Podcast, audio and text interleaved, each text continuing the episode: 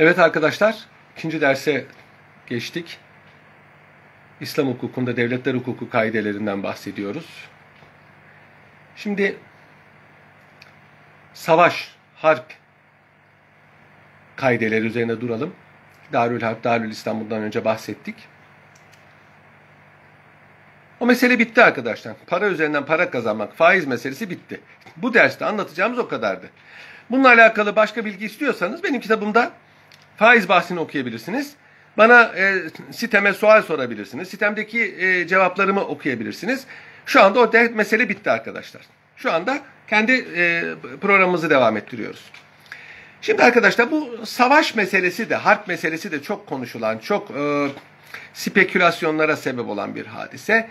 İşte e, Avrupalıların biraz da tabii haklı olarak Müslümanların savaşçı olduklarını, devamlı savaş ön planda tuttuklarını, Müslümanlar arasındaki bazı terörist fırkaların devamlı savaşı ön planda tutmalarıyla Müslümanlığın sanki bir savaşçı din olarak lanse edilmesi problemi bunu tekrar gündeme taşıdı. Peki İslam hukukunda hakikaten savaş esas mıdır değil midir? E savaş kaçınılmaz bir şeydir. İnsan arasındaki münasebetlerde tarihin her safhasında harp olmuş. İnsanlar itiraf ettikleri zaman bunu e, sulhane, barışçı yollarla çözemedikleri zaman maalesef savaş son çare olmuş. Savaş akıllıca bir şey değil. Yani savaş şu demektir, güçlü olanın sözü geçer demektir. Ancak e, bir realitedir, realitedir. Yani onun için e, İslam hukuku, Kur'an-ı Kerim Müslümanlara devamlı güçlü olmayı, düşmanların silahıyla silahlanmayı, barış zamanında işte istersen e, hazır ol cenge, istersen sulhu selah şeyi çok meşhurdur malum, e, mısrağı. Sulh zamanlarında e, müdafaa yapmak, müstahkem mevki kurmak, ribat yapmak, e, siperler kazmak, silahlanmak, ordu hazırlamak bunu emreder ki e, bu harpten daha tesirlidir. En azından korkutucu olur. Düşmanın taarruzlarına mani olur. Onun için güçlü bir ordu e, biraz da donanma için bu caridir. Savaş için değil aslında arkadaşlar savaşı önlemek için lazımdır. Onun için Kur'an-ı Kerim bunu emrediyor. Eğer siz güçlü olursanız diyor düşman sizden çekinir ve savaş olmaz. Ee, Kur'an-ı Kerim, hadis-i şerifler savaşı methetmez, övmez. Ancak kaçınılmaz bir e, netice olarak görürler. Savaş çıktığı zaman da bundan kaçmamayı e, emrederler. Bir kere bunu bilmek lazım. Şimdi e, şer'i hukukta meşru olan savaş var, meşru olmayan savaş var. Meşru olan savaşa cihat adı veriliyor.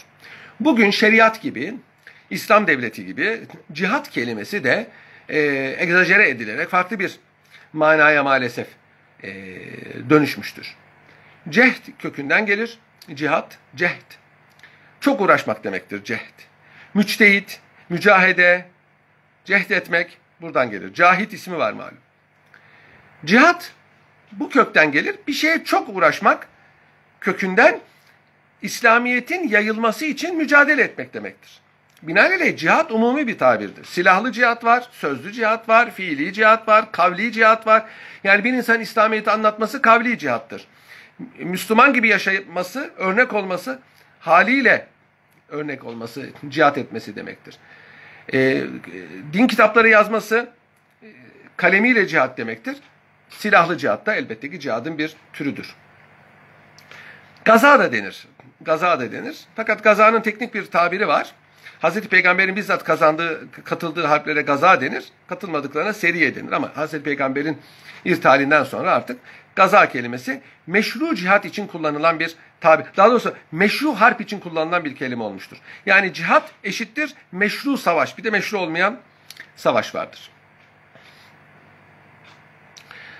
Cihat yani silahlı cihat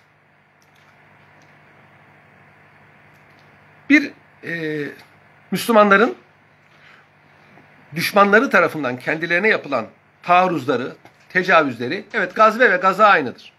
Gazve ve gaza aynıdır arkadaşlar. Ee, Müslümanların üzerlerine gelen taarruzları, tecavüzleri, saldırıları def etmek için müdafaa tarikiyle yapılır. Bu bütün dünyada zaten meşrudur. Yani bir insanın kendini müdafaa etmesinden tabii bir şey yoktur. Bu takdirde e, haklı veya haksız aranmaz. Kendini müdafaa etmek haklı bir durumdur. Bu takdirde karşı tarafın öldürülmesi, efendim yaralanması, mallarının telef olması suç sayılmaz. Çünkü haklı bile olsa saldırmak, e, tecavüz etmek meşru değildir. Karşı tarafın kendini koruma hakkı var. Buna biz meşru müdafaa hakkı diyoruz. Cihadın birinci türü budur. İkincisi bir memlekette bir memlekette bir diktatör veya bir topluluk, bir hükümdar, bir e, e, lider halka zulmediyorsa, kötülük yapıyorsa, o halk da e, kın uğradığı zulmü imkanı varsa def etmek Müslümanların vazifesidir. Binaenaleyh e, zulümün def edilmesi için e, cihat yapılır. Üçüncüsü, e, İslamiyet'in yayılmasına mani olan, duyulmasına mani olan, İslamiyet'i duyanların Müslüman olmasına mani olan, Müslüman olanların İslamiyet'in icaplarını yerine getirmesine mani olan diktatörlerle savaşılır. Yani savaşın sebebi, savaşın sebebi e, İslamiyet'i yaymaktır. Toprak kazanmak, ganimet almak, ün ve şöhret kazanmak, sevmediği insanları tepelemek maksadıyla yapılan savaşlara cihat denmez arkadaşlar. Cihadın mutlaka meşru bir sebebi olması lazımdır. Cihadın meşru bir sebebi yoksa o cihat değildir, savaştır. Şimdi siz mekteplerde Osmanlı tarihini çok okuyorsunuz. Ondan önceki tarih belki Selçuklu, Abbasi, Emevi tarihi o kadar anlatılmıyor. Yani İslam tarihi bizde belli bir e, program dahilinde okutuluyor. Ve okutulurken de bizde tarih dersleri çok sevimsiz ve sıkıcı olduğu için hep anlatılanlar savaşlar, anlaşmalar, savaşlar, anlaşmalar. Yani siyasi tarih anlatılır. Siyasi tarih anlatılırken hiçbir zaman hadiselerin sebepleri, konjöktür bunlardan çok bahsedilmez. Şu ona savaş açtı, bu barış yaptı. Bazen savaşların sebeplerinden bahsedilir ama bunların üzerinde çok durulmaz. Hele sosyal tarih hiç anlatılmaz. Sanki bu insanlar yemediler, içmediler, evlenmediler. Sanki onlar tarih değil. Neyse o bir tarafa. Şimdi e, aklı başına yazılmış tarih kitaplarında mesela İsmail Hami Danışmen'in izahlı Osmanlı Tarihi Kronolojisi. Türkçe en güzel, en değerli toplu tarih kitaplarından bir Osmanlı tarihinden bir tanesidir. İzahlı Osmanlı Tarihi Kronolojisi. Yılmaz Öztuna'nın Türkiye tarihi de buna çok benzer. Buna paralel yazılmıştır. Orada yapılan bütün mu muharebelerde İsmail Hami'nin kitabını ben o cihetle çok beğenirim. Benim haddim değil belki İsmail Hami gibi bir üstadın kitabını beğenmek ama okuyucu olarak böyle bir hakkı kendimde görüyorum. Orada Osmanlı Devleti'nde yapılan her savaşın İslam hukuku çerçevesinde açıkça bunu söylemese bile hangi sebeple yapıldığını anlatır. Bu sebepler bak baktığınız zaman ya müdafadır, ya zulmü önlemektir veya İslamiyet'in yayılmasına mani olanlarla yapılan muharebelerdir. Hadi gidelim savaş yapalım. Hiçbir devlet savaş istemez. Savaş bir kere para demektir. Hazineyi boşaltır savaş. İki, savaş insan demektir. İnsan nüfusunuzu telef eder. İnsanlar öldüğü zaman devletin ekonomisi maliyesi zarar görür. Topraklar ekilip biçilmez olur. Vergi verenler azalır. Onun için hükümetler hiçbir zaman savaş istemezler. Ve savaş olduğu zaman pahalılık olur, kıtlık olur. İnsanlar sıkıntı çekerler, salgın hastalıklar olur. Evin para kazanan gücü savaş meydanlarına gider. Kadınlar, çocuklar mağdur olur. Binaenaleyh otorite yani hükümdar karşı bir antipati doğar. Onun için hiçbir hükümdar, bakın hiçbir hükümdar savaşı istemez. Tabii aklı başında insan savaşı istemez. Ama savaş bazen kaçınılmaz olur. Kaçınılmaz olur. Savaş yapmadığınız takdirde bazı şeyleri kaybetme ihtimali e, vardır. O sebeple savaş kaçınılmaz olur. Onun için savaş iyi bir şey değildir. Onun için Kur'an-ı Kerim'de düşman barış isterse barış yapın. Hazreti Peygamber buyuruyor aman aman savaşı murad etmeyin. Şimdi ben bazı gençlerde duyuyorum. Savaşalım, edelim, ölelim, vatan falan ama savaş güzel bir şey değil. Ben savaşı yaşamadım.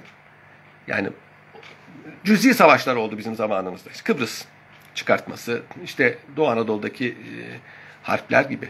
Ama benden önceki nesil ve ondan önceki nesil hep savaş hikayeleri büyüdüğü için o savaşta yaşananların acılarını gördüğü için savaşın ne olduğunu az çok onların anlattıklarından biliyordu. Şimdi gençler hadiseleri savaş oyunlarından tanıyorlar. Halbuki mesela bu bizde hala maalesef e, devam ediyor. Bizde yapılan savaş filmlerinin tamamı savaşa özendirici filmlerdir. Halbuki dünyada şöyle bir trend var. 1950'lerden bu yana savaş aleyhtardır bütün filmler. Bütün yapılan savaş filmleri savaşın acı taraflarını gösterir. Yani gençler, tahsilli insanlar, bir nesil mekteplerini bitirmiş, önlerinde bir hayat var. Evlenecekler, çoluk çocuk sahibi olacaklar, istisal üretime katkılı, belki buluşlar yapacaklar. Bu insanlar 20 yaşında cepheye sürülüyor ve orada ölüyorlar bir siperde. Ölüsü bile bazen bulunmuyor. Bu çok acı bir şey. Onun için savaş güzel değildir. Savaşı istemek, murad etmek ahmaklıktır. Onun için Kur'an-ı Kerim es-sulhu hayır, barış hayırlıdır diyor. Ve Hazreti Peygamber de aman aman düşmanla karşılaşmayı murat etmeyiniz diyor. Ama bazen öyle oluyor ki hayatta kalabilmeniz için savaş kaçınılmaz oluyor. O zaman da e, savaştan başka çare yok. Savaştan başka çare yok. İslam hukukunda savaş e, hukukunun teşekkülü, savaş hukukunun teşekkülü tedricen olmuştur arkadaşlar. Kur'an-ı Kerim önce, Kur'an-ı Kerim önce, Kur'an-ı Kerim önce e, Müslümanlara eliyle diliyle zarar verenlere, sıkıntı verenlere karşı hiç mukabele etmemek, onlarla görüşmemek ve aredan el onlardan kaçmak bu emri verdi. Halbuki şöyle diyebilirdi. Siz de neticede güçlüsünüz. İçinizde kaybedecek hiçbir şey olmayacak gençler var, köleler var. Saldırın şunları yok edin. Öyle bir emir vermedi Kur'an-ı Kerim. Çünkü Kur'an-ı Kerim insanları öldürmek, savaş, onun için gelmiş bir kitap değil. Mukaddes kitaplar zaten öyle değildir. Mukaddes kitap insan unsuru üzerine kuruludur. Hazreti Peygamber'e sıkıntı veriyorlar. Hazreti Peygamber ne diyor? Ya Rabbi onları affet, mağfiret et. Onlar bilmiyorlar. Bilseler yapmazlar.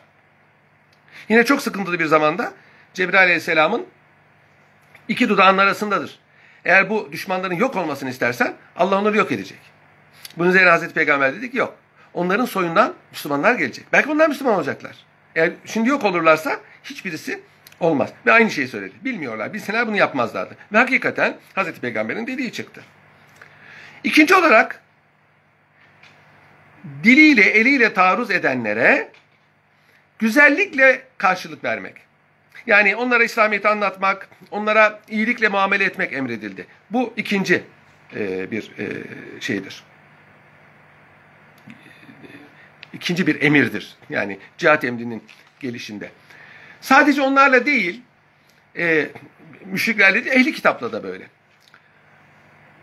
Üçüncü olarak e, eliyle diliyle sıkıntı verenlere güzel yollardan, meşru yollardan mücadele imkanı tanındı ki bu aslında zımnen cihada bir müsaade demektir. Ama hala daha savaş, silahlı savaş izin verilmemiştir. Mekke devrini bilenler bunu gayet iyi biliyorlar. Ve e, Müslümanların orada ne çektiklerini görürler. Düşünün Mekke'de Müslümanlar Müslüman olmayanlara hiçbir şey söylemiyorlar. Sadece Müslüman olun diyorlar. Olmadıkları zaman da yapacak bir şeyleri yok. Müslüman olmak demek de hani şimdi olsa istemezler. İçki yasak değil. Domuz eti yasak değil. Namaz kılmak farz değil. Oruç tutmak farz değil. Henüz daha şeriat gelmemiş. Sadece inanç. Allah'a inanın, ahirete inanın. Budur. Bunu bile kabul etmedi Mekkeliler. Ve o insanlara bu, bu hakları değildi. Yani onlar cemiyeti düzenini bozmuyorlardı. Onlara bir zarar vermiyor. Buna rağmen onlar hayat hakkı tanımadılar. Dördüncü olarak, dördüncü olarak bir e, müdafaa olarak cihat emri geldi. Yani kendinizi müdafaa için onlara karşılık verebilirsiniz. En güzel şekilde. Fazla değil. Ne yapıyorlarsa o şekilde. Ondan sonra yani beşinci olarak e, yani düşman saldırırsa e, onlar ona mukabele edeceksiniz. Onun dışında onun dışında da düşmanlarla savaşacaksınız. Çünkü düşmanların umumi maksadı ferdi saldırı değil. Devamlı surette Müslümanların yaşayacağı ortamı ortadan kaldırmak. E, düşünün insanları memleketlerinden sürüyorlar. Burada yaşamayacaksınız diyor. Niye? Siz çünkü bizim dinimizde değilsiniz. Putlarımıza tapınmıyorsunuz. Ya ama bizim ayrı dinimiz var. Bize müsaade et. Hayır. Edemem. E biz size ne yapıyoruz? Sizin neyinize mani oluyoruz? Size bir elimize sıkıntı vermiyoruz, dilimizde sıkıntı vermiyoruz. Biz Mekke'nin sahibi olalım, Mekke'yi biz idare edelim demiyoruz. Buna rağmen böyle yaptıkları için beşinci emir olarak onlarla mücadele edilmesi emrolundu. Ve nihayet, nihayet İslamiyet'in her tarafa duyurulması için cihat emri geldi. Bu altıncı safadır. Arkadaşınızın suali var. Evet, cihat İslamiyet'i duyurmak için yapılır. Müslüman olmak sadece abdest almak, namaz kılmak değildir.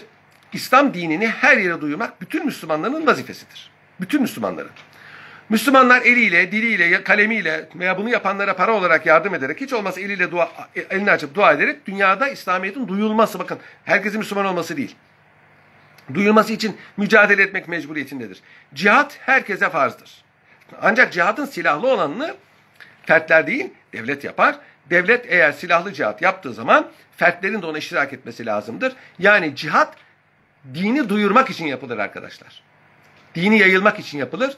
Ee, cihadın esas maksadı zaten İslam dinini duyurmaktır. Kur'an-ı Kerim'de bu ilahi kelimetullah şeklinde anlatılır. Yani Allah'ın kelimesini, ismini yani onun emir ve yasaklarını yükseltmek, her yerde duyurmak manasına gelir. İlahi kelimetullah. Yani Osmanlı Devleti'nin kuruluş sebebi de budur. Kuruluş sebebi de budur. Tabi İslamiyet sadece bununla yayılmaz. E, İslamiyet aslında güzel ahlakla yayılır. Dünyadaki Müslümanların Müslüman olmasının esas sebebi Müslümanların güzel ahlakını görmektir. Müslümanların güzel ahlakını görenler Müslüman olurlar. Dinde zorlama yoktur. La ikrahe fit din. Dinde zorlama yok. Kimse zorla Müslüman yapılmaz. Müslümanlar onları davet edecek güzel bir ortam vasat hazırlanır. Hindistan'da, e, Endonezya'daki Müslümanlar hep bu şekilde Müslüman oldu. E, İntişar İslam tarihi vardır. E, onu okumanızı tavsiye ederim.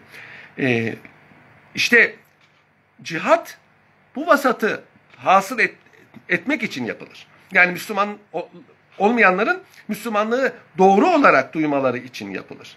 Ha buna mani olmuyorsa bir hükümdar, memleketinde İslamiyet'in duyulmasına ve yayılmasına mani olma, orayla savaş yapmak caiz değildir. Hadi gidelim şu adam İslamiyet'in duyulmasına mani değil, yayılmasına mani değil, insanların Müslüman olmasına mani değil bir kere.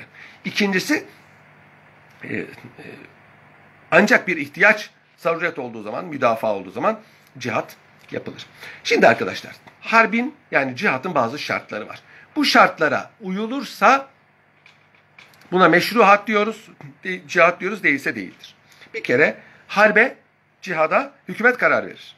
Fertler, cemiyetler, milis toplulukları, gizlice evlerde toplanan vatansever kahraman gençler cihada karar veremezler.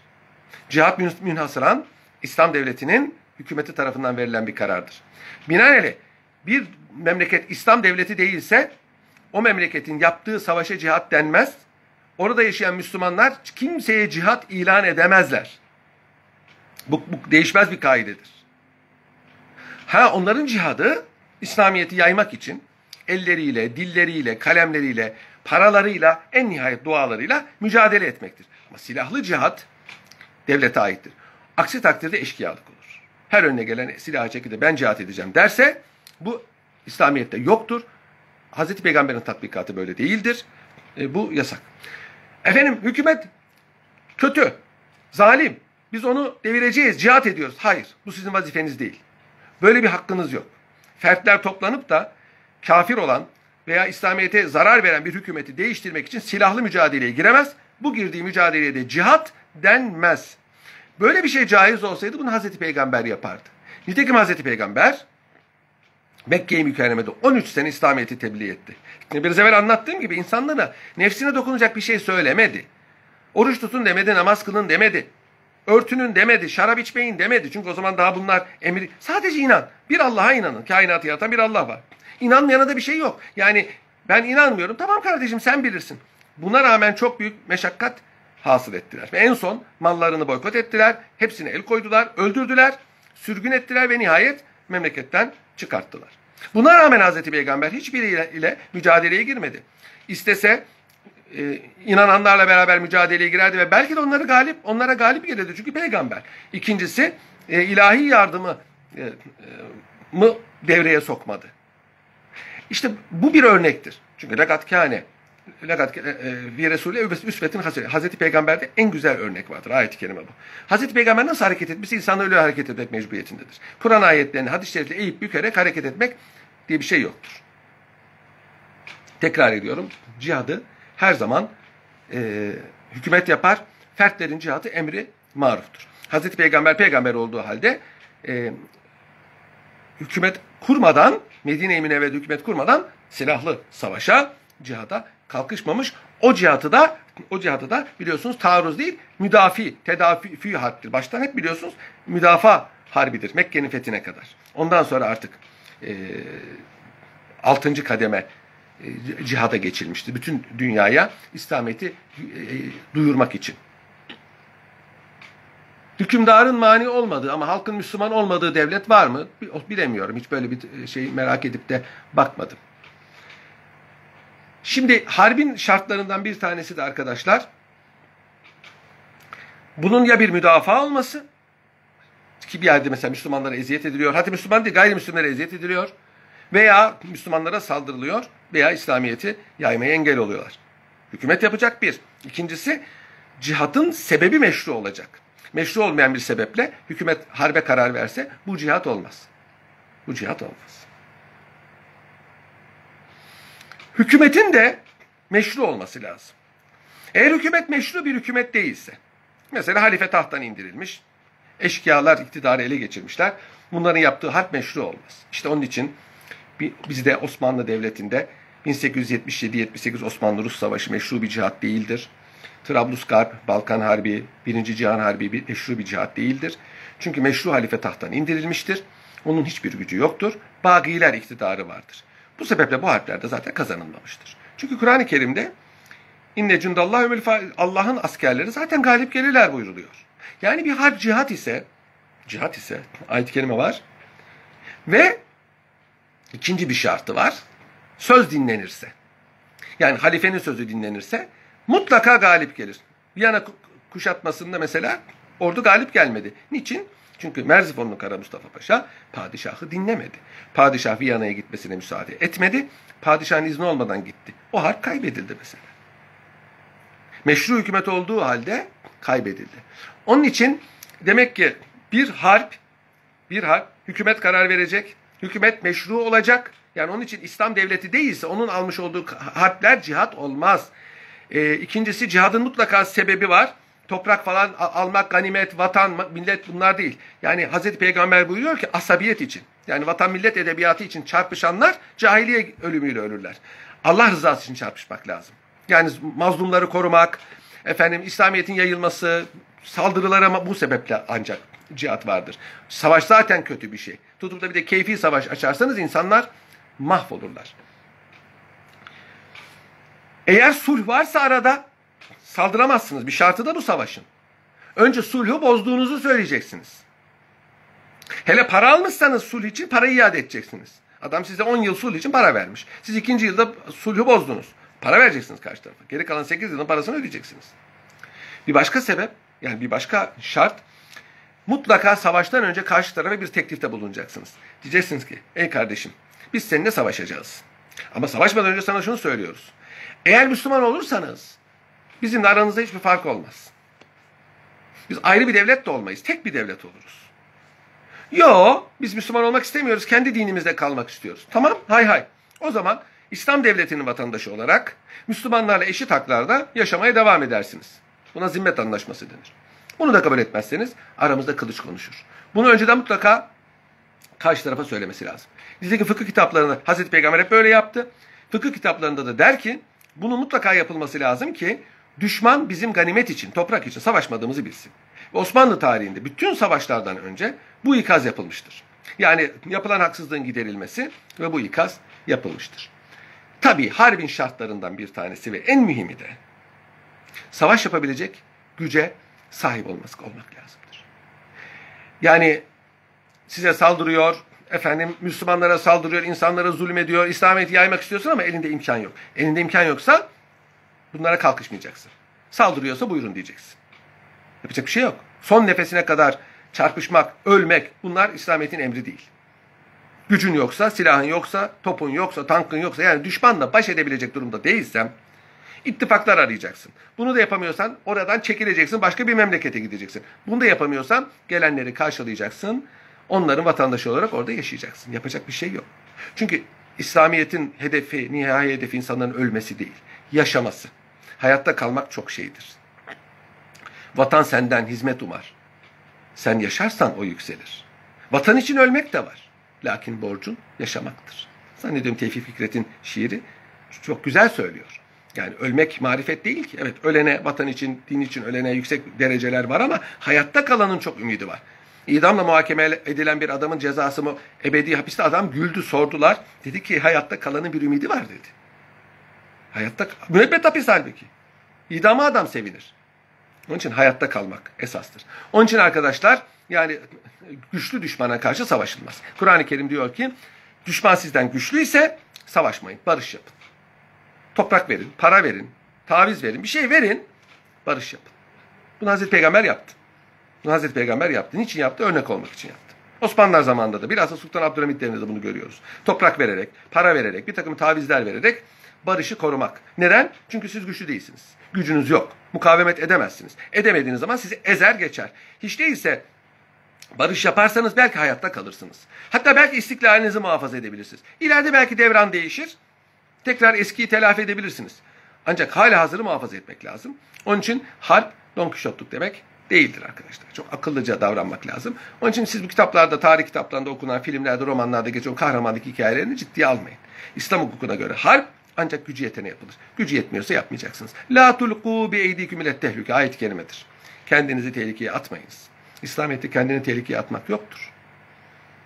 Hayatta kalmak vardır. Bunu nereden biliyoruz? Hazreti Peygamber'in tatbikatından biliyoruz. Evet arkadaşlar. Demek ki cihat devletin salayetinde olan bir keyfiyet. Yani cihat yapar devlet. Fertler cihat yapamaz. Devlet cihat yaparsa fertler gönüllü olarak bu cihata iştirak ederler.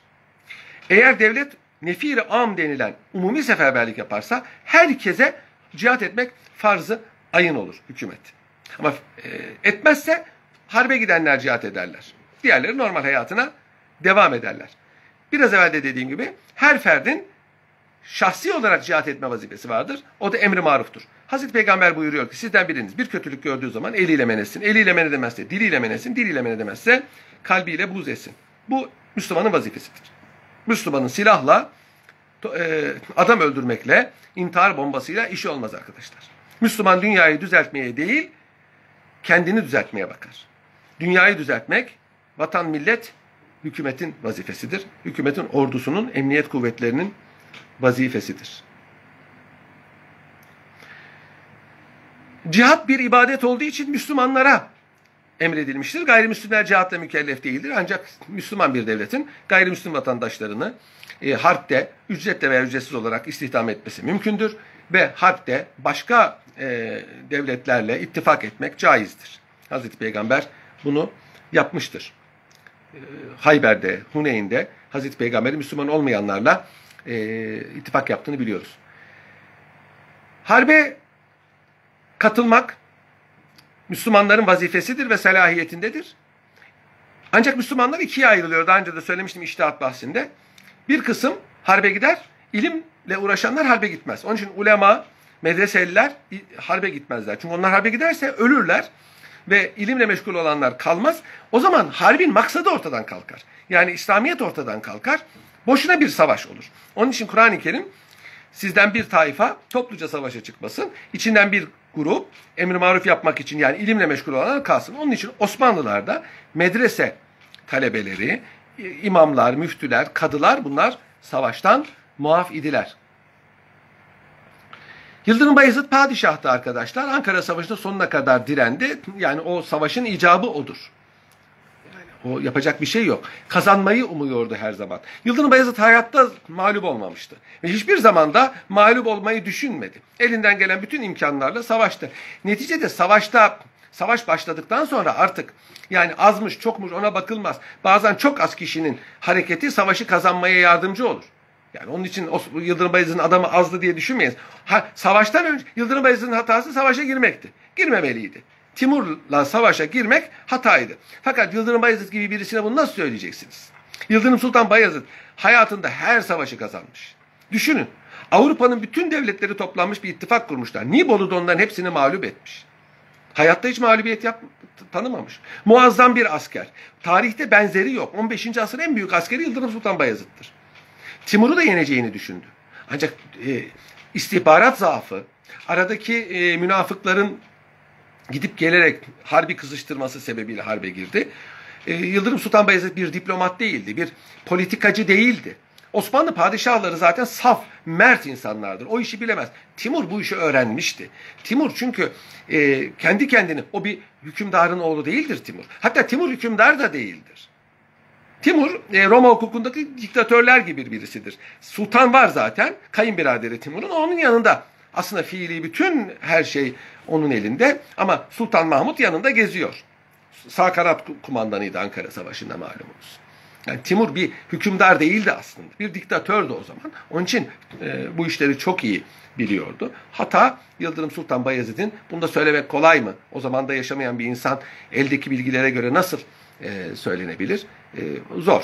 Şimdi arkadaşlar Biraz evvel söylediğim gibi e, savaş başlamadan önce karşı tarafa Müslüman olması teklif edilir. Müslüman olursa mesele biter. Veya zimmi olması, vatandaş olması e, teklif edilir. Kabul edilmezse savaş. Savaş sırasında e, elbette ki düşmanın gücünü kıracak, düşmanı mağlubiyete uğratacak her şey kullanılabilir. Her türlü silah yapılabilir. Şehirleri havaya uçulur, bombardıman. Ancak mümkün mertebe siviller öldürülmez, ağaçlar kesilmez, hayvanlar öldürülmez, sular zehirlenmez. Bunlara dikkat edilir. Ama eğer bunlarda da düşmana zaaf varsa, mesela su zehirlenecekse düşmana zararı varsa su zehirlenir. Ağaçlar yakılır, binalar yakılır. Yani burada büyük zarar, küçük zarar e, kıyaslaması bunu hükümdar yapar elbette ki. Hükümdar yapar. Düşman kuvvetliyse, savaştan önce veya savaştan sonra onunla barış yapılabilir. Ve barış yapmak hatta iyidir, hatta bazen lazımdır. Para vererek de yapılabilir. Toprak vererek yapılabilir. Geri çekilerek yapılabilir. Her türlü barışı e, kumandan karar verir. Onun inisiyatifindedir. Müslümanların menfaati için ne lazımsa kumandan bunu yapar. Onun için kaleyi boşaltın dediği zaman kaleyi boşaltacak. Hayır efendim ben bu kaleyi boşaltmam. Kanımın son damlasına kadar ecdadımın fethettiği bu kale... Böyle bir şey yok İslamiyet'te. Kumandan ne emrederse onu yapmak lazımdır.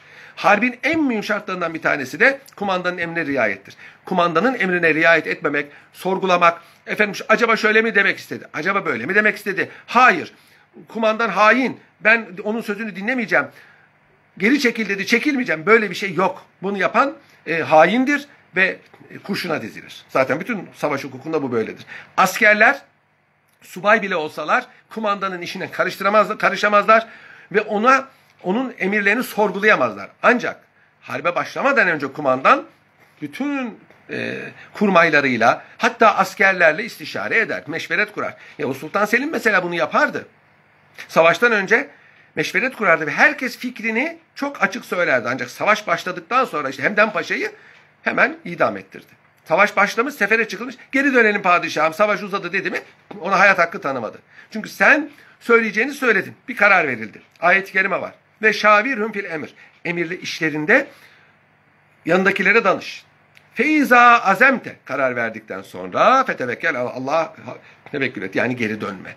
Hazreti Peygamber karar verdikten sonra verdiğiniz karardan dönmeyiniz buyurdu. Şimdi karar verilmiş savaşa gidiyor tam yarı yolda hadi dönelim dediğiniz zaman askeri maneviyatı ne olur?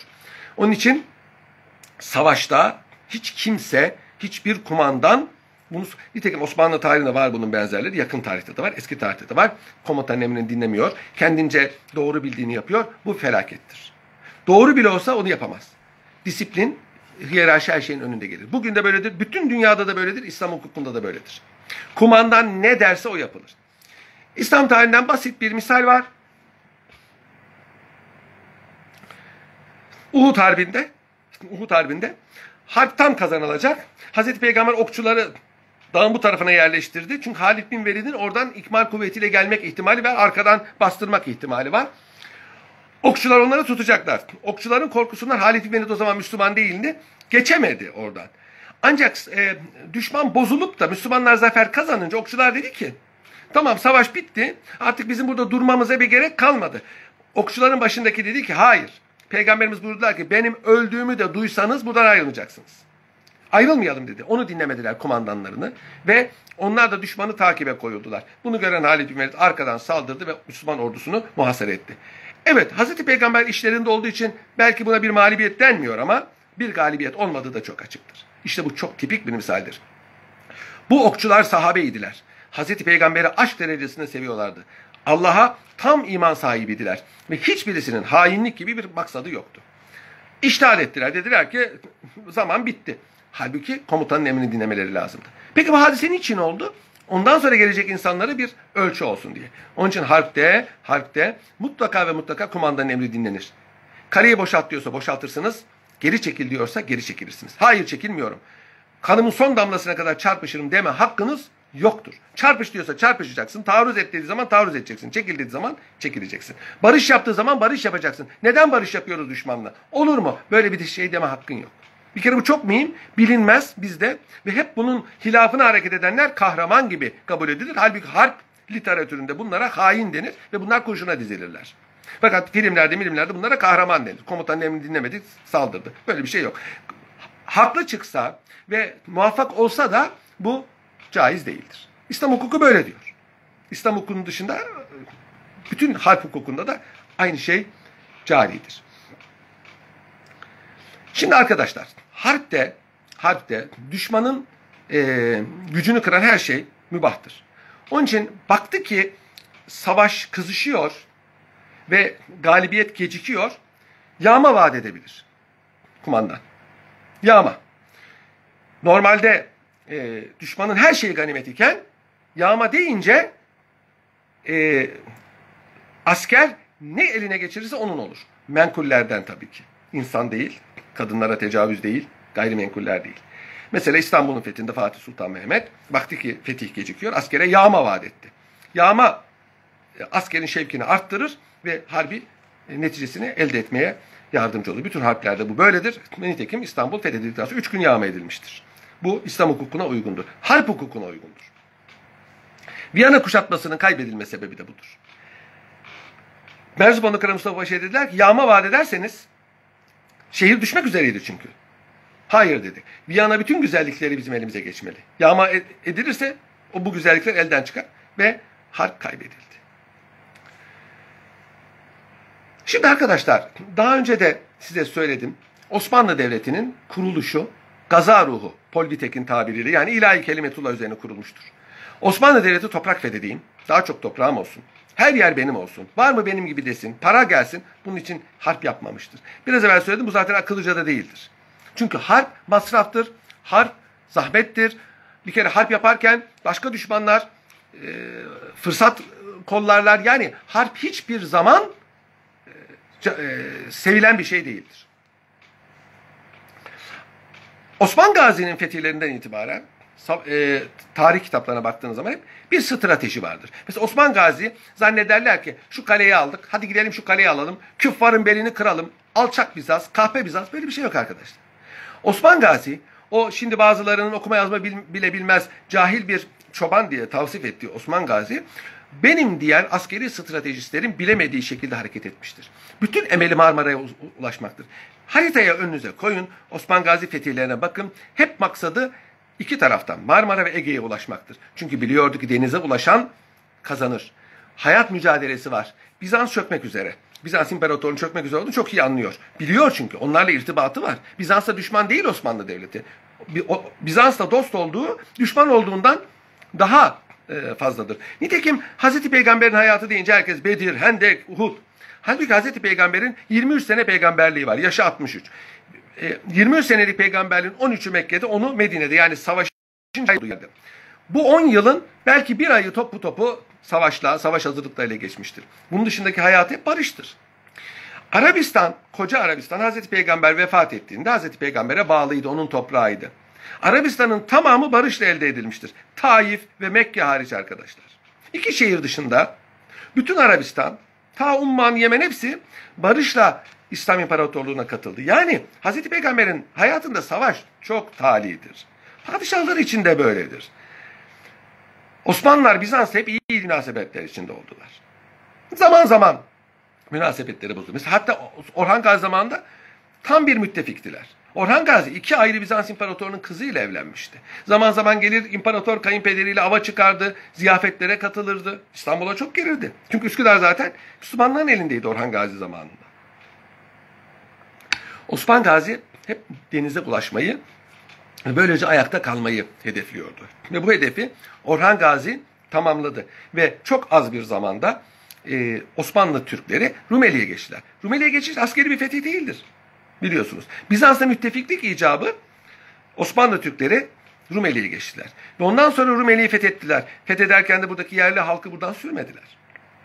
Hadi gidin artık burası bizim demediler. Çünkü zaten daha önce orada yaşanan harpler ve akınlar sebebiyle pek çok yer boşalmıştı. Orada yaşayan insanlar istemeseler de sevmeseler de kimse istemez başka bir din mensubu gelsin. Yani Avrupalılar şey Balkanlılarda Osmanlıları çok sev, sevdiği söylenemez ama dediler ki anarşi olacağına veya bizim e, mezhebimizden veya ırkımızdan olmayanların bizi Osmanlı gelsin dediler. Mesela bir Sırp için Macar mı Osmanlı mı Osmanlı'yı tercih etti. Bir Bulgar için mesela Rum mu Osmanlı mı Osmanlı'yı tercih etti. Çünkü Osmanlı'nın bir yerleşmiş bir devlet sistemi var. Bir gayrimüslimler statü hukuku, hukuku var. Öbürlerinin yok.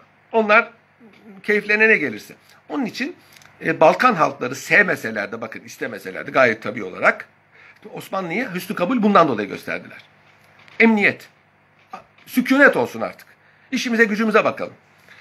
Ve bu fetihleri kolaylaştırdı. Boşalan yerlere Müslüman Türkler yerleştiler. Hiç kimse yerinden yurdundan sürülmedi Rumeli'de. Bu çok enteresandır. Ve bilinmez çok. Şimdi arkadaşlar harbin türleri var. Yani bir düşmanla harp var. Bu harbin bilinen ve üzerinde konuşulan kısmıdır. Cihat.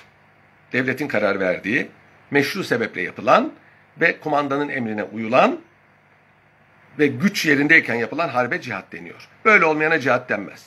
Cihad-ı Ekber, Birinci Dünya Savaşı hiç alakası yok.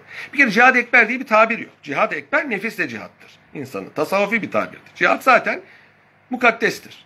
Cihadı mukaddes. E, cihadın kendi zaten mukaddes. Mukaddes de o milleti aldatmak için onu o zamanki hükümet çıkarttı. Yani Müslümanları kandırmak, Almanların için savaştığımızı anlamasınlar diye yapılmış bir harpti. Cihat değildi ama cihat dediler. Şimdiye kadar Osmanlı Devleti cihat ilan etmemiş ki zaten hepsi cihat. Onun için bu gibi isimler insanları kandırır. Sloganlar e, ölçü değil. Sloganlar ölçü değil. Bunun dışında arkadaşlar mesela bir memlekette e, bir topluluk mürtet olabilir. Müslümandır. Dinden çıkar. Bunlarla da İslam devletinin mücadele etmesi lazımdır. Orası darül ridde olur. Yani mürtet memleketi. Müslüman iken İslamiyet'ten çıkan insanların hakim olduğu yer. Darül ridde. Burayı tekrar bunlarla savaşıp fethetmesi meşrudur ve vazifedir. Ehli zimmet kendiyle yapılan anlaşmayı bozarsa onun şartları var. Ee, Osmanlı halkı bahsinde göreceğiz. Onlarla da savaşılır. Nitekim Osmanlı Devleti'nde, değil mi, Hersek'te, Romanya'da çıkan isyanlar bu e, mücadeleye girer. Bu da bu da cihattır. Bagilerle mücadele var. Yani devlete isyan edenlerle. Devlete isyan edenlerle savaşmayı Kur'an-ı Kerim emrediyor. Bunlar Müslümandırlar. Kendilerince filancayı başa getir. Mesela filanca şehzadeyi başa getirmek istiyorlar. Veya tamamen değişip kendileri başa gelmek istiyorlar. İddiaçıların yaptığı gibi. Bunlar bagidir. Bunlarla mücadele etmek lazım. Bunlarla yapılan da savaştır. Ancak burada bir fark var. Burada bir fark var. Mürtetlerle ve zimmilerle yapılan harpte bunlar artık düşman gibidir. Esir edilebilirler, köle yapılabilirler ve malları ganimet olur. Ancak bagilerle yapılan muharebelerde bagiler öldürülebilir ancak köle yapılamaz ve malları ganimet olmaz çünkü Müslümandırlar. Eşkıya ile yapılan muharebelere de harp diyor Kur'an-ı Kerim. Yol kesiciler ister bir kişi olsun ister yüz kişi olsun çete kurarlar. Yolları keserler. Gelen geçenin mallarını alırlar. Öldürürler, soyarlar. Bunlara kutta tarik yol kesiciler derler. Bu suç bir suçtur. Bu, bunu yapanlarla da devletin savaşması lazımdır. Bu da cihattır. Ve bu cihatta e, bunların öldürülmesi caizdir. Müslüman oldukları için malları ganimet yapılamaz. Kendileri köleleştirilemez. Esir, e, sağ olarak ele geçirilirlerse bunlar e, işledikleri suçun vasfına göre ceza alırlar. E, işte hırsızlık yapmışlarsa cezası başkadır. Hırsızlık yapıp adam öldürmüşlerse cezası başkadır. E, böyle bir e, bunun durumu var. Yol kesiciler. Eğer yakalanmadan önce gelir teslim olurlarsa bu cezadan kurtulurlar. Ancak çaldıklarını ödemeleri lazımdır. Bunlar savaşırken ölürlerse cenaze namazları kılınmaz Müslüman oldukları halde. Kendileri köle yapılmaz fakat cenaze namazları kılınmaz. Şimdi burada çok sorulan bir sual var. Müslümanlar Müslümanlarla savaşır. Müslüman elbette ki Müslümanla savaşmaz. Müslümanın Müslümanla savaşmasına cihat denmez. Ancak bir Müslüman bir Müslümana saldırırsa, onun e, onu tazik ederse, taciz ederse meşru müdafaa mübah olur. Bu takdirde meşru müdafaa niyetiyle savaşmak caiz olur. Bu takdirde ölen yine şehit olur ama karşı tarafın malları ganimet olmaz, kendileri köle yapılmaz. Osmanlı Devleti bu sebeple Müslüman bazı devletlerle savaşmış. Bu savaş mesela Timur'un gelip de saldırması tamamen tedafidir. Yani savaşmayacak bunlar Müslüman diyecek hali yok. Timur'un savaşmaması lazımdı. Fakat Timur bir İslam mücahidi olmadığı için Cihangir bir cengaver olduğu için sadece Müslümanlarla savaşmıştır. Ömründe gayrimüslimlerle, gayrimüslim düşmanla savaştığı çok nadirdir. Kafkasya'da, Hindistan'da birkaç lokal, biri İzmir. İzmir'i fetheden Timur. Onun dışında hep Müslümanlarla muharebe etmiştir. Onun için İslam tarihinde iyi bir isim bırakmamıştır Timur. Bu harpte yani Müslümanlarla Müslümanların yaptığı harpte e, ölenler şehit olsa bile malları ganimet olmaz ve esir yapılmaz. Onun için Osmanlılar mesela Akkoyunlarla savaştığı zaman, Memlüklerle savaştı mesela esirleri köle yapmadılar. Mallarını ganimet almadılar. Çünkü onlar Müslümandır. Hatta hatta oraları fethettiği zaman oradaki kanunları bile yerinde bıraktılar. Akkoyun ülkesi Doğu Anadolu ve Güneydoğu Akkoyun ülkesiydi. Osmanlılar burayı fethedince Akkoyunlardan kalma işte Hasan Padişah kanunu, Uzun Hasan Bey'in kanunlarını orada devam ettirdiler. Mısır'da keza öyle Mısır'ı fethedince e, Hayır Bayı o aileden yani Memlüklerden birini oraya vali yaptılar. Çünkü Osmanlıların derdi biz alalım bizim olsun değil. Orayı vatan ediniyorlar. Problemi ortadan kaldırıyorlar. Problem. Kendilerinin hayati problem için problem teşkilleri ortadan kaldırıyorlar. Yani Memlükler savaşmayı hak etmişti. Durup dururken Yavuz Sultan Selim gideyim de Mısır'ı fethedeyim demedi. Memlükler Şah İsmail'le bir oldular. Şah İsmail ne kadar Müslüman ayrı mesele. Ee, Anadolu Birliği'ni, Türk Birliği'ni, İslam Birliği'ni bozan çok tehlikeli bir şahsiyetti. Onlarla savaşması bir hayat mücadelesi. Yavuz Sultan Selim'in e, Avrupa'daki savaşlarından bu daha mühim bir hadiseydi. Çünkü içerideki problem dışarıdaki problemden daha ehemmiyetlidir. Bu cihetle o da cihat idi ve e, neticeleri itibariyle de hayırlı olmuştur. Şimdi arkadaşlar savaş bitti. Savaş bitince düşmandan elde edilen mallar ganimet olurlar. Menkul, gayrimenkul bütün mallar. Bu mallar üzerinde hükümdarın bir muamele salahiyeti var. Opsiyon hakkı var. Menkul mallar beşe bölünür. Beşte dördü devletin olur. Devlete alınır. Bunun da beşte biri padişaha aittir. Yani 25'te biri ganimetlerin padişaha aittir. Kur'an-ı Kerim'de Hazreti Peygamber'e ayrılan hisse devlet reisi olduğu içindir. Ve bu sebeple Osmanlılar da padişaha bu geliyor. Hanefi mezhebi böyle olmamakla beraber Şafi mezhebi böyledir. Osmanlılar burada Şafi mezhebinin kavrini tatbik etmişlerdir. İkincisi geri kalanları gazilere dağıtılır. Kur'an-ı Kerim'in emridir. Gelelim gayrimenkullere. Gayrimenkuller ya ganimet olur, yani beşe bölünür, beşte biri devletin, onun da beşte biri hükümdarın, geri kalan beşte dördü gazilere dağıtılır. İlk zamanlarda böyle yapılıyordu. İslamiyet'in ilk zamanlarında. Mesela Suriye'nin fethinde böyle yapılmıştı. Arabistan'da da böyle yapılmıştı. İkincisi,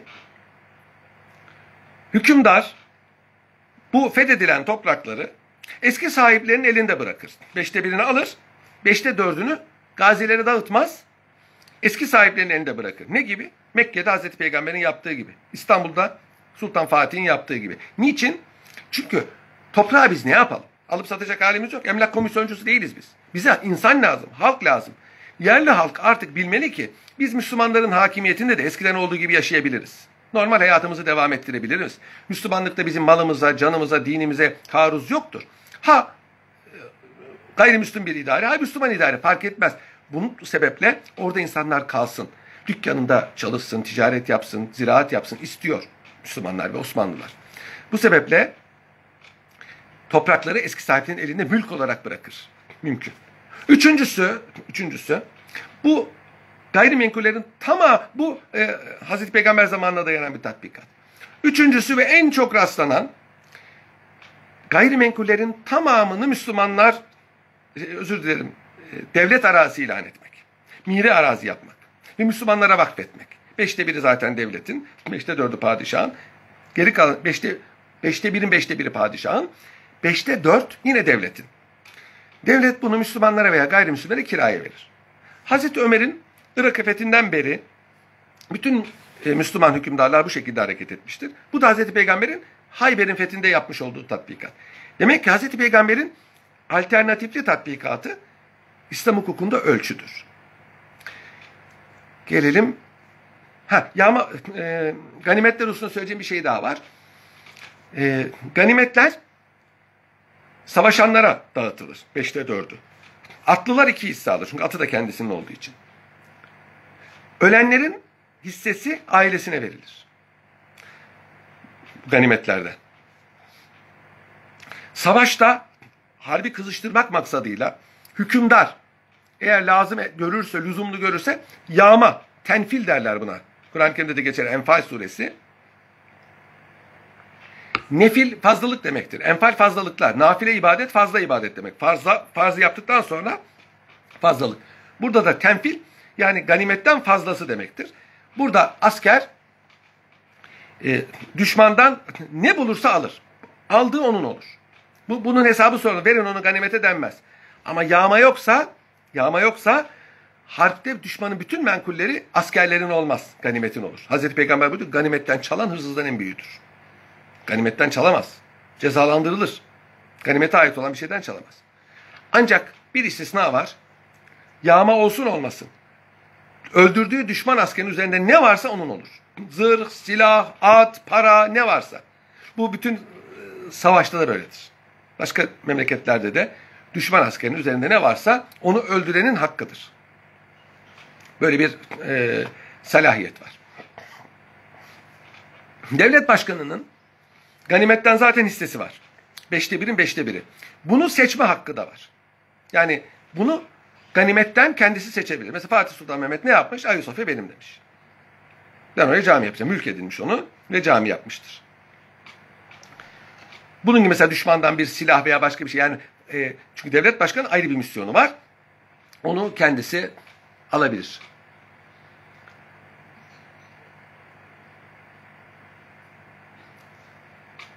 Harbe katılan zımmiler yani gayrimüslimlere ganimetten hisse verilmez. Fakat bunlara ayrıca para verilir. Yani ganimetlerden hükümdar bunlara bir meblağ takdir eder.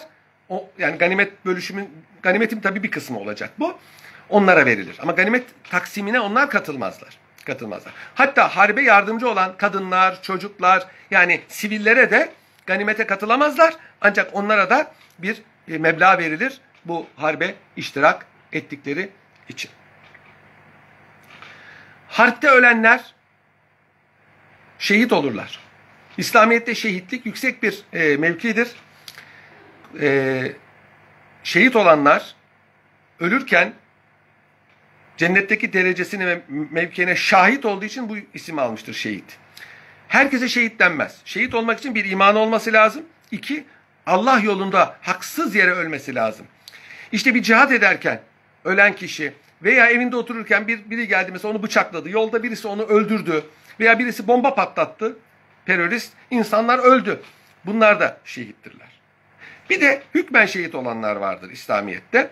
Yapı altında kalanlar, zelzelede, yangında ölenler, suda boğulanlar, kanser gibi devasız hastalıklardan ölenler, salgın hastalıklardan ölenler, gurbete gitmiş çalışmak için orada ölenler, yani garip olarak ölünler, ölenler, çocuk doğururken ölen kadınlar, bunlar e, şehit sayılırlar. Yıkanırlar, kefenlenirler ancak bunların da imanları varsa tabii iman olmayan şehit olmaz. Bunlara da şehit muamelesi yapılır. Ancak savaşta ölenler yıkanmaz, kefenlenmez ama namazı kılınır. Kanlı elbiseleriyle gömülürler. Hazreti Peygamber böyle yaptı. Ancak üzerinden bir namaz vakti geçerse veya konuşursa, yemek yerse, başka bir yere getirilirse yine şehittir. Ancak yıkanır ve kefenlenir. Bunların hükümleri birbirinden ayrıdır. Şehitler bütün günahları affolunur. Kul hakkı hariç. Kul hakkı dışındaki bütün günahları affolunur ve kul hakkı yoksa doğrudan cennete giderler. Onun için şehitlik yüksek bir mertebedir. Şehitler ölürken hiçbir acıyı duymazlar İslam inancına göre. Onun için tekrar şehit olmak isterler. O cennetteki derecelerini gördükleri için akılları başlarından gider. Nitekim Yusuf peygamberin güzelliğini gören kadınlar portakalı soyarken ellerini kestiler de hissetmediler. Kur'an-ı Kerim bunu haber veriyor. Şimdi de morfin yapılıyor. Hastayı kesiyorlar, biçiyorlar. Hiç hissetmiyor. Aynı onun gibi. Harbe katılan fakat ölmeyenlere gazi derler. Gaziler elbette ki yüksek bir e, mevkidedirler. Harbe katılmışlardır. İlle bir fiil katılmasına gerek yok. Harp için katkıda bulunanlar da gazidir. Mesela padişah harbe gitmese de gazi sayılır. Çünkü harbi o idare ediyor. Hazreti Osman harpte bulunmadığı halde Mekke'de istihbarat için bulunduğu için o da gazi ünvanını almış ve ganimetten ona da hisse verilmiştir. Yani sadece bir fiil savaş değil, o için çalışanlara, casusluk yapanlara, haber getirenlere, işte lağım kazanlara, top arabasını çekenler hepsi onlar cihadın içindedir. İlle bir fiil kılıçla, tüfekle savaşması gerekmez. Bu bir bütündür. Bu bütünde hepsi hisse sahibidir. Ama onun dışında ölenlere şehit denmez. Şehitlik için iman lazımdır. Yani e, meşru yolda ölenler mesela mesela hırsızlık için bir eve girse bir adam ev sahibi de onu tabancayla öldürse şehit olmaz. Şehit olmaz. Mesela devlete isyan etse haram, devlete isyan etmek haram ve devlet de onu öldürse şehit olmaz. Müslüman da olsa şehit olmaz. Çünkü onun e, tevessül ettiği şey haram idi. Ama bir adam içki içti, sarhoş oldu. İmanı var, Müslüman. Birisi de geldi onu haksız yere öldürdü. Şehit olur. Sarhoş olduğu halde şehit olur. Çünkü o ondan onun alakası yok. Sarhoş olduğu için ölmedi o. Başka sebeple. Bunlar birbirinden şimdi insanlar ayıramıyor. Her ölene şehit diyorlar.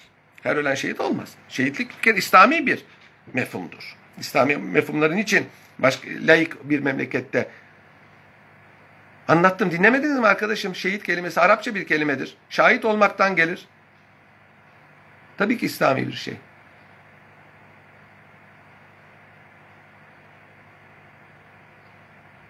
Şimdi cihat yok arkadaşlar. Cihat olmadığı için kölelik diye bir şey olmaz. Kölelik olması için Darül İslam olması lazım. Darül İslam olmayan yerde cihat olmaz. Cihat olmayan yerde ganimet olmaz. Ganimet olmayan yerde ganimet paylaşılmaz. Onun için mesela bir adam gitse Avrupa'dan birini esir alsa gelse o e, köle yapamaz onu. Ben seni köle yaptım diyemez birisi. Birisi kendini köle olarak satamaz. Yani kölelik hukuku için mutlaka ve mutlaka cihat. Cihat için Darül İslam, halife lazımdır. Onun için şu bugünlerde artık cihat, kölelik, ganimet, Darül İslam bunların hepsi tarihe karışmıştır. Hepsi tarihi birer müessesedir arkadaşlar. Biz tarihi müessese olduğu için hukuk tarihi mevzu olarak bunları anlatıyoruz. Şimdi arkadaşlar gelelim esirlere. Gelelim esirlere. Şimdi harpte elde, ed elde edilen esirler. Ha, şimdi bir de şu antır şunu anlatacağım. Şimdi bazen savaşlarda savaş esnasında veya öncesinde barış yapılır. Bu barışla e, mevzuların çoğu değişebilir. Barış anlaşmasında mesela e, düşman mabetleri ne olacak, düşman arazisi ne olacak, esirler ne olacak bunların hepsi barış anlaşmasına tabidir. Eğer barış anlaşması varsa ona uyulur arkadaşlar. O zaman o zaman bu anlattıkları hepsi değişir. Ne kararlaştırılmışsa. Mesela düşman diyebilir ki ganimet almamak şartıyla teslim oluruz. Tamam der hükümet, hükümdar. O zaman ganimet alınmaz artık. Mesela Vire ile kale, Yanya kalesi öyle fethedildi. Kaledekiler dedi ki biz müdafaa yapmayacağız. Ancak şartlarımız var. Bunları kabul ederseniz biz müdafaa yapmayacağız. Hükümdar da kabul etti Yanya fethedilirken ve şeyden e, kaleden çıktılar. Ne ganimet oldu malları ne kendileri esir oldu. Şart koştular. Ama savaş yapılmadığı için karşılığında da böyle bir e, şart koş. Ama savaşta yenilmişler artık bir şart koşma hakları yok. Bunu da bilmek lazımdır. Onun için Osmanlılar'da mümkün mertebe her şey yani İslam devletlerinde barışla halledilmeye çalışılır. E, elçiler gönderilir, arabacılar gönderilir. Yani bu meseleyi çözelim. Biz güçlüyüz. Bakın düşünün sizi biz yeneriz ama bizden de çok adam ölür, sizden de çok adam. Gelin orta yol bulalım. Biz size taviz verelim, siz bize taviz verin. Arkadaşlar milletler arası münasebetler böyle yürür. Milletler arası münasebetlerde tamam gücün çok büyük rolü var. Yani güçlünün dediği olur. El hükmü limen galebe. Değişmez kaide. Güçlü olanın sözü geçer. Ama güçlü olan da o gücünü infaz etmek istediği zaman çok zarara uğrar. Bazen de kaybedebilir Amerika'nın Vietnam'da kaybettiği gibi. Onun için güçlü olan da sulha yanaşır. Onun için sulh iyidir, sulha yanaşmak iyidir. Gelin size taviz verelim. Siz de taviz verin, bir orta yol bulalım der. Karşı tarafta bakar karşımızdaki güçlü. Bunun kazanmak ihtimali çok fazla. O zaman biz bir taviz verip bu işten yırtalım derler. Bu çok olur tarihte. Ancak bazen insanlar saftır, ahmaktır, düşüncesizdir, sonunu görmez, kazanacağını zanneder, kandırırlar adamları ve sonu felaket olur. Onun için idarecilerin çok uyanık olması, çok soğukkanlı olması, yanında her zaman aklı başında insanları bulundurması lazımdır danışman olarak. Evet. Neydi 93 Harbi? 93 Harbi öyle değil miydi? Anlamadım. Neydi yani? 93 Harbi cihat değildi. Zaten. Saçma sapan bir harpti. Mithat Paşa'nın açtığı aptalca bir harpti. Rusya ile harbe gireceğiz. E İngiltere bize yardım edecek. Mithat Paşa İngiltere'nin adamı ya. İngiltere sana niye yardım etsin? Senin Rusya ile harbe girmende İngiltere'nin menfaati var mı? Yok. Mithat Paşa akıllı bir adam değildi ki. Çok iyi bir valiydi. Çok kötü bir sadrazamdı. Yani iyi vali olmak iyi bir sadrazam demek değil ki. Reşit Paşa çok iyi bir hariciye nazırıydı. Çok iyi bir elçiydi. Kötü bir başbakandı. Yani bu, bizde de böyle bir problem vardır. Yani bir şey de iyi, iyi asker, iyi kumandan olmaz. Şey, iyi idareci olmaz. Yani her şeyi birbirine karıştırmamak lazım. İyi bir alimdir, idareci olmaz. Bunlar birbirine karıştırmamak lazım. Savaşlar bir felaket oldu. Osmanlı Devleti'nin yıkılma sebebi savaşlardır. Savaşlardır. Bir kısmı mecburen girdi. Bir kısmı ahmakça girdi. Bir kısmına tahmin edemedi. İşte 18. asırdaki Kırım'ı almak için mücadele etti. Tamam çok ulvi fazilet mücadelesi ama bırak Kırım gitsin. Bütün Balkanlar gitti. Mahvoldu Osmanlı Devleti. Kırım'ı alacağım diye. Yani 18. asır Almanlarla ve Ruslarla yapılan savaşlarla geçti. Ruslarla 7 savaş yapıldı. 7 tane. 5'ini Osmanlı Devleti kaybetti. Ağır bir şekilde. İki tanesini kazandı. Onların da birinde zaten Rusya yeni kuruluyordu. Prut Harbi. Zar zor kazandı onu da. İkincisinde de İngiltere, Fransa ve İtalya yardım etti. Kırım Harbi. Akıllı adam Rusya ile savaşır mı? Savaşmaz. Sultan Abdülhamit ne diyor? Ben hayatım boyunca diyor hep Rusya ile ve İngiltere ile iyi geçinmeye çalıştım diyor. Biz Rusya ve İngiltere ile baş edemeyiz. Ve dediği oldu. Rusya ve İngiltere ikisi bu darbeyi vurdular. Osmanlı Devleti'ni devirdiler. Onun için e, güçlü evet Kırım Harbi'nde neticesinde elde edemediler. Elde edemediler. Evet. Savaşta şöyle bir şey var. Yani o zamanki savaşlarda harbe katılanların harbe katılanların ganimet imkanı var, şan şöhret imkanı var, bir öyle var. Bir de bazı politikacılar e, işler kötüyse savaşla yürütmek isterler. Çünkü savaş hem insanları birleştirir, vatan millet e, havasına girerler, hem de bazı problemler unutulur. Yapalım savaştayız derler. Onun için bazı politikacıların işine gelir savaşa girmek. Ama savaş e, o politikacıları da alır götürür. Şimdi arkadaşlar Osmanlılarda da e, bu ganimet ahkamı var.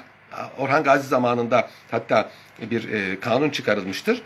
E, o zamanlar Karamanlı Kararüstem diye ulemadan bir zat. Bir de yine ulemadan Kazasker Çandarlı Kara Halil Paşa. Bu ama şey olan değil.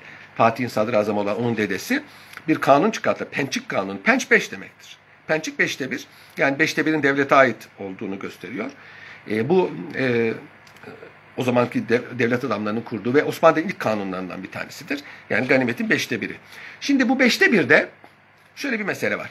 Savaşta esir olanlar, esir olanlar ister muharip olsun ister olmasın. Çünkü topyekündür bu kişiler. Ee, bunlardan eli silah tutanlar hakkında isterse hükümdar bunları öldürebilir. Kadınları çocukları değil, erkekleri. Çünkü bazen bunları esir alamaz, fidye karşılığı serbest bırakamaz. Ya erkeklerini öldürür, kadınlarını, çocuklarını köle yapar veya fidye karşılığı serbest bırakır. Ya hepsini köle yapar ya hepsini fidye karşılığı serbest bırakır. Demek ki esirler hakkında hükümdarın üç opsiyonu var. Bir, hepsini veya bir kısmını fidye karşılığı veya esir değişimi zımnında serbest bırakmak. Mümkün. İkincisi, hepsini veya bir kısmını köle yapmak. Bir kısmını fidye karşılığı serbest bırakmak, bir kısmını köle yapmak. Veya bir kısmını öldürmek veya hepsini öldürmek. Ama hepsinde kadınlar, çocuklar, yaşlılar yok. Sadece eli silah tutanlar. Bazen o da ihtiyaç olur. Demek opsiyon hakkı var. Şimdi umumiyetle İslam tarihinde e, fidye de, şey esir değişimi varsa esir değişimi yapılır. Esir değişimi imkanı yoksa köleler öldürülmüyor. Bunlar es, şey esirler öldürülmüyor, köle yapılıyor. Bunun da bir takım avantajları var. Kölelik bahsinde göreceğiz. E, harpte acımasızlığı önlüyor. Yani bunu köle yapacağız diye öldürmüyor insan düşmanı. Hayatta insanlar kalıyor. Böyle avantajları var. Bu köleler ganimete dahildir. Köle yapıldılarsa. Beşte biri devlete aittir. Bunun da beşte biri padişaha aittir. Geri kalan beşte dört gazilere dağıtılır ve e, onların malı olur. Eğer düşman aldıklarını köle yapmıyorsa siz de köle yapmazsınız. Nitekim e, Osmanlı Devleti'nin son zamanlarında artık e, savaş esirlerinin köle yapılmaması e, esası benimsenmişti. Çünkü milletler arası konsorsiyumlarda artık savaş esirlerine bir statü tanındı. İşte Cenevre'de daha sonra Helsinki'de. Bu evveliyatı da var. Osmanlılar da aldıkları esirlere köle muamelesi yapmıyor artık. Son asırdan bahsediyorum. Son asırdan bahsediyorum. İşte Osmanlılar bu kölelere hususi bir statü tatbik etmiş. Biliyorsunuz beşte biri alıyor. Bunların içinden zekası, fiziği düzgün olanları e, devşirme olarak saraya alıyor. Özür dilerim. E, Enderun'a alıyor. Devlet adamı olarak yetiştiriyor. Geri kalanlarını Yeniçeri yapıyor. Bu ganimet yetmeyince ki her zaman yetmez. Yetse de işe yarar e, kişi olmaz. Devşirme sistemi kurulmuştur biliyorsunuz. Ve e, Kanuni Sultan Süleyman'a kadar bu böyle işlemiştir. Kanuni Sultan Süleyman'dan sonra artık padişah umumi tenfil ver, vermiş ve savaş ganimetlerinin menkullerin, gayrimenkullerin değil tamamının e, askerlere eşit olarak e, paylaştırılmasını emretmiş. Savaş bittikten sonra orada yaşayan halk ya tasını tarağını toplar gider ya Müslüman olur veya Müslümanlarla anlaşma yapar. Vatandaşlık anlaşması. Buna zimmet anlaşması diyoruz. Osmanlı halkı bahsinde tekrar göreceğiz. O takdirde burada Müslümanlarla eşit statüye sahip olarak yaşarlar. Çiftinde, çubuğunda, dükkanında hayatını devam ettirir. Dinini yaşamaya, öğretmeye devam eder. Ee, bu onlar için yeni bir hayat demektir. Başkalarının hakimiyetinde yeni bir hayat demektir. Şimdi arkadaşlar, e, muharipler savaşmadan önce, yani düşman savaşmadan önce teslim olursa, teslim olursa öldürülmekten de kölelikten de kurtulur. Düşman e, e, savaş sırasında esir edilmeden gelir teslim olursa ölümden kurtulur, kölelikten kurtulamaz. Eğer Müslüman olarak gelirse kölelikten de ölümden de kurtulur. Ancak esir alındıktan sonra Müslüman olursa ölümden kurtulur, kölelikten kurtulamaz. Böyle bir e, durum var. Burada tabii düşmanın ve sivil halkın muharipleri terk etmesi, Müslümanlara yardımcı olması, onlara la işbirliği yapması isteniyor. Yani düşman halk diyor ki eğer Müslümanlar kazanırsa bizim köle olmak ihtimalimiz var. Onun için biz bunlara yardım edelim. Bu düşmanın tabi maneviyatını ve gücünü ciddi manada ortadan kaldırıyor. Evet arkadaşlar e, sulhun hayırlı olduğunu söyledim ve devlet gerekirse menfaatli görürse barış yapar. Barışı yaptıktan sonra bu barışı ancak maslahat sebebiyle bozabilir ve bozduğu zaman karşı tarafa mutlaka bunu bildirmesi lazımdır. Ben bu anlaşmayı şu sebeple bozdum. Para almışsa parayı iade etmesi lazım. Ahde vefa prensibi Osmanlı Devleti'nde çok mühim bir prensiptir. İslam tarihinde buna riayet edilmiştir. Hazreti Peygamber'in Hudeybiye musalahası var mesela. Mekkelilerle yaptığı çok enteresan bir musalahadır bu anlaşmadır.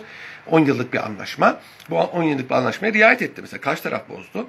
Ve bundan sonra yaptığı anlaşmalar var.